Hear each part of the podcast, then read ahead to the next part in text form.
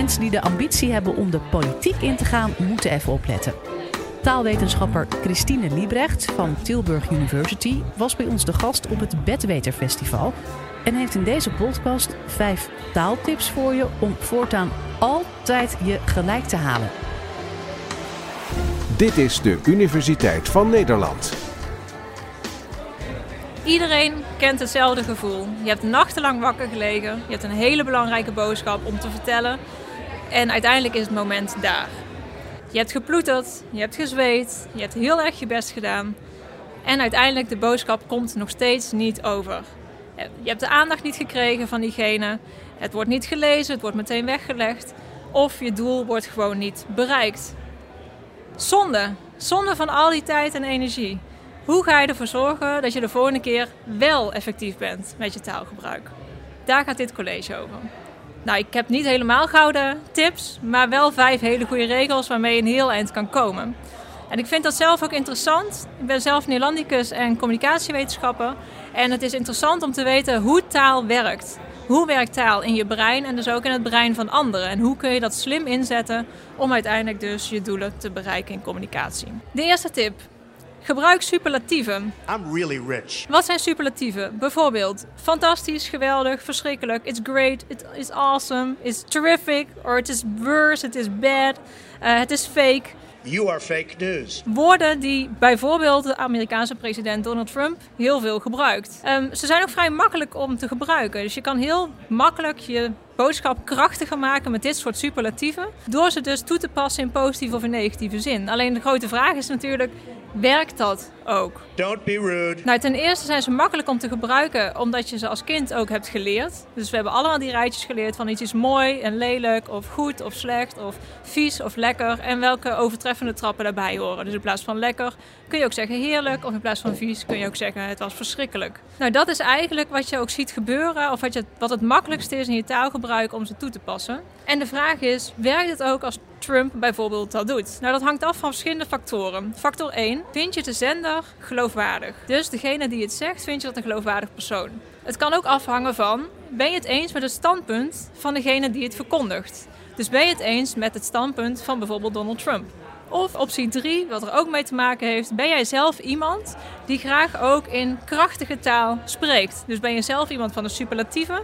Dan vind je iemand anders die superlatieven gebruikt ook meteen veel overtuigender. Echter, vind je de persoon dus ongeloofwaardig, uh, heb je niet hetzelfde standpunt, of ben je dus zelf niet zo iemand van extreem taalgebruik, dan komt de boodschap van Donald Trump totaal niet over. Dan ben je niet gevoelig voor zijn krachtige taal. Dan had hij het eigenlijk juist zelfs een stapje minder moeten doen om je te overtuigen tip voor Trump om ons te overtuigen is dus eigenlijk: zing een toontje lager, dan zul je zien dat mensen meer naar je gaan luisteren. Ik denk niet dat hij het gaat doen trouwens. Tip nummer 2: framing. Nou, wat is framing? Is dat je eigenlijk door een bepaalde bril naar een fenomeen of naar een discussie kijkt. Um, dus je kunt bijvoorbeeld, als het gaat over de vluchtelingenproblematiek, spreken over vluchtelingen, of over uh, asielzoekers, of over gelukszoekers. En dat heeft verschillende associaties.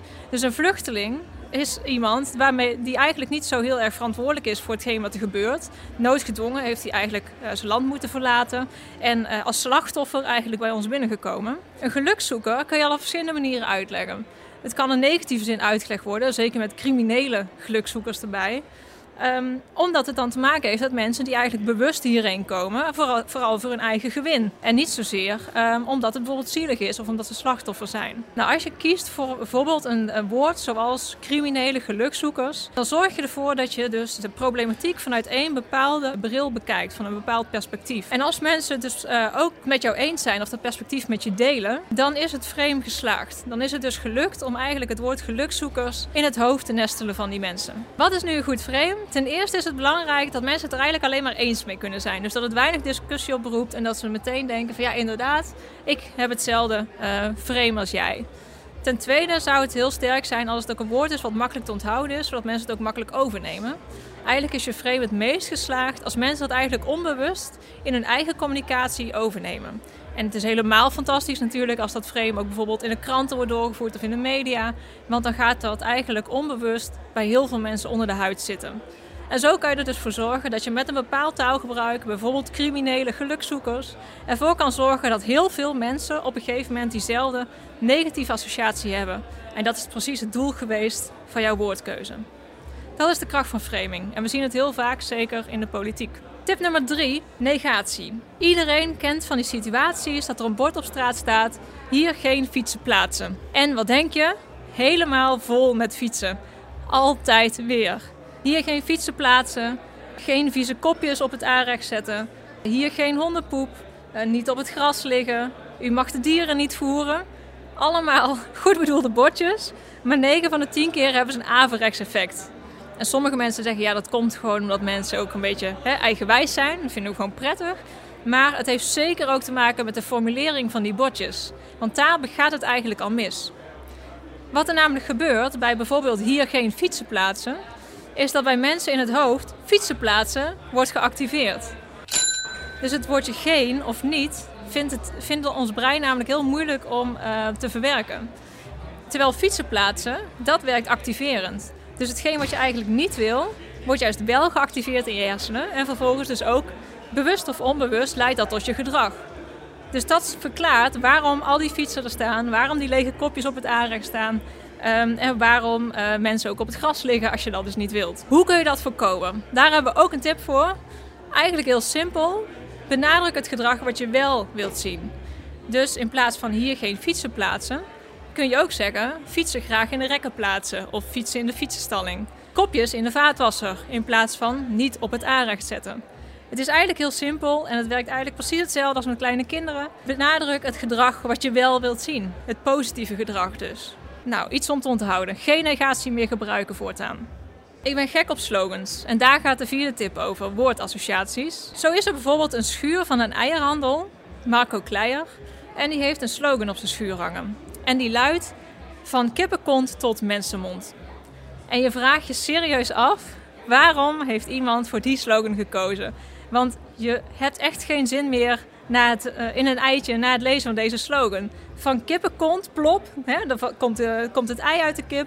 Zo hop je mond in om op te eten. Nou, ik heb even geen zin meer in een eitje. We zien dit soort slogans super vaak. We hebben er zelfs een platform voor opgericht, slechteslogans.nl. Waar we dus slogans verzamelen waarbij je denkt van ja, hier klopt iets niet. En dat kan soms liggen aan de woordassociaties. Dus de associaties die de woorden oproepen en waarvan je denkt van... Is er nou niemand geweest die toch even heeft gezegd van laten we er nog een keer over nadenken. Gisteravond in de kroeg vond het misschien heel leuk allemaal. Maar de volgende ochtend, als we weer nuchter zijn, moeten we toch nog even opnieuw om de tafel om een andere slogan te bedenken. We hebben er meerdere van. Bijvoorbeeld ook een transportbedrijf met op de vrachtauto grensloos moeizaam. Grensloos moeizaam. Als ik transport wil, ehm, of als ik dat inhuur voor mijn bedrijf, dan wil je alles behalve dat het moeizaam verloopt, zou ik zeggen. Je wil juist dat het heel makkelijk gaat. Um, of een andere, een heibedrijf, heeft de slogan: Iedere paal gaat erin. Ja, die is echt erg en hij bestaat ook echt. Waarom is er nu niemand geweest die heeft gezegd tegen die ondernemer: Joh, moet je dit nou wel doen? Laten we nou toch een andere slogan kiezen. Het leuke is dat we met slechte slogans ook vaak de bedenkers van die slogan spreken. Dus bijvoorbeeld ook Marco Kleijer van de eierhandel. En dan vragen van, joh, die slogan, waarom gebruik je die? En Marco Kleijer zegt doodleuk, nou, we hebben die slogan al 20 jaar. En hij dekt precies de lading van waar we voor staan. We hebben namelijk een grote kippenschuur. De eieren worden daar dus geproduceerd. En we hebben superkorte lijnen, want de eieren leveren direct aan de consument. Dus kortere lijnen kan niet en dat willen we benadrukken met deze slogan. Misschien heeft hij wel gelijk, maar kan je je toch afvragen van ja, is dit wel wenselijk, de associatie die het oproept? Hetzelfde geldt voor het heibedrijf. Die man die zei letterlijk, ja, iedere paal gaat erin. Dat is ook echt zo, want ik begin alleen aan een klus als ik er zelf verzekerd van ben dat het ook echt gaat lukken. Dus als die paal ook echt de grond in gaat. Tip nummer 5. Gebruik concreet taalgebruik. En wat is concreet taalgebruik? Het, uh, je zorgt ervoor dat mensen zich een beeld kunnen vormen van wat je bedoelt. Um, dus Jan Terlouw had een hele mooie anekdote over de saamhorigheid in zijn wijk in Utrecht. Waarbij mensen uh, bij elkaar over de vloer kwamen. Dat er zelfs een um, touwtje uit de brievenbus hing. Zodat je gewoon bij iedereen kon binnenlopen. En niks had dus eigenlijk op slot. Er was onderling vertrouwen. Het was een hele gezellige, fijne buurt om in te wonen. Hij had ook gewoon kunnen zeggen, ik kan een fijne buurt om in te wonen. Er was veel vertrouwen en het was onderling uh, gezellig of saamhorig. Maar dat is toch een beetje abstract. Want wat is dan die saamhorigheid? Wat betekent dan vertrouwen?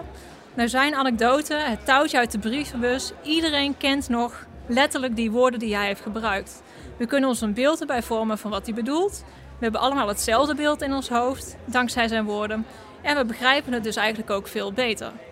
Dat is de kracht van concreet taalgebruik. Het zorgt er namelijk voor dat je niet alleen de woorden verwerkt in je brein, maar ook het plaatje wat wordt opgeroepen in je hoofd. Dus je hebt eigenlijk twee verwerkingsroutes en de woorden, daar gaat je brein mee aan de slag.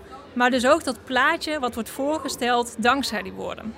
Dat zorgt er dus voor dat de boodschap ten eerste makkelijker te verwerken is. Dus we vinden uh, concrete of verhalende boodschappen gewoon eenvoudiger om te verwerken. Ze blijven beter hangen en ze zorgen er ook voor dat we die boodschap ook beter kunnen doorvertellen. Dus de herinnering is vele, vele malen beter. En dat is precies de kracht van Jan Terlouws metafoor en van heel veel andere concrete taal. Dus kortom, wat kun je nu doen? Ten eerste, als je luistert naar mensen, kun je um, de trucs, de technieken achterhalen. Je kunt nu die vijf technieken identificeren van iemand anders. En je kunt dus zelf veel overtuigender zijn met je taalgebruik. Dus waar kun je op letten? Nou, let ten eerste op de superlatieven. Ten tweede, kies een geschikt frame om je boodschap in te verpakken. Ten derde, vermijd negatie, want dan gaat het geheid mis.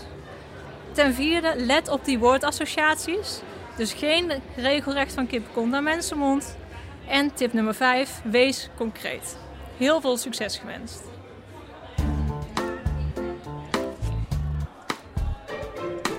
Dit was de Universiteit van Nederland. Wil je nou nog meer wetenschappelijke antwoorden op spannende vragen? Check dan de hele playlist.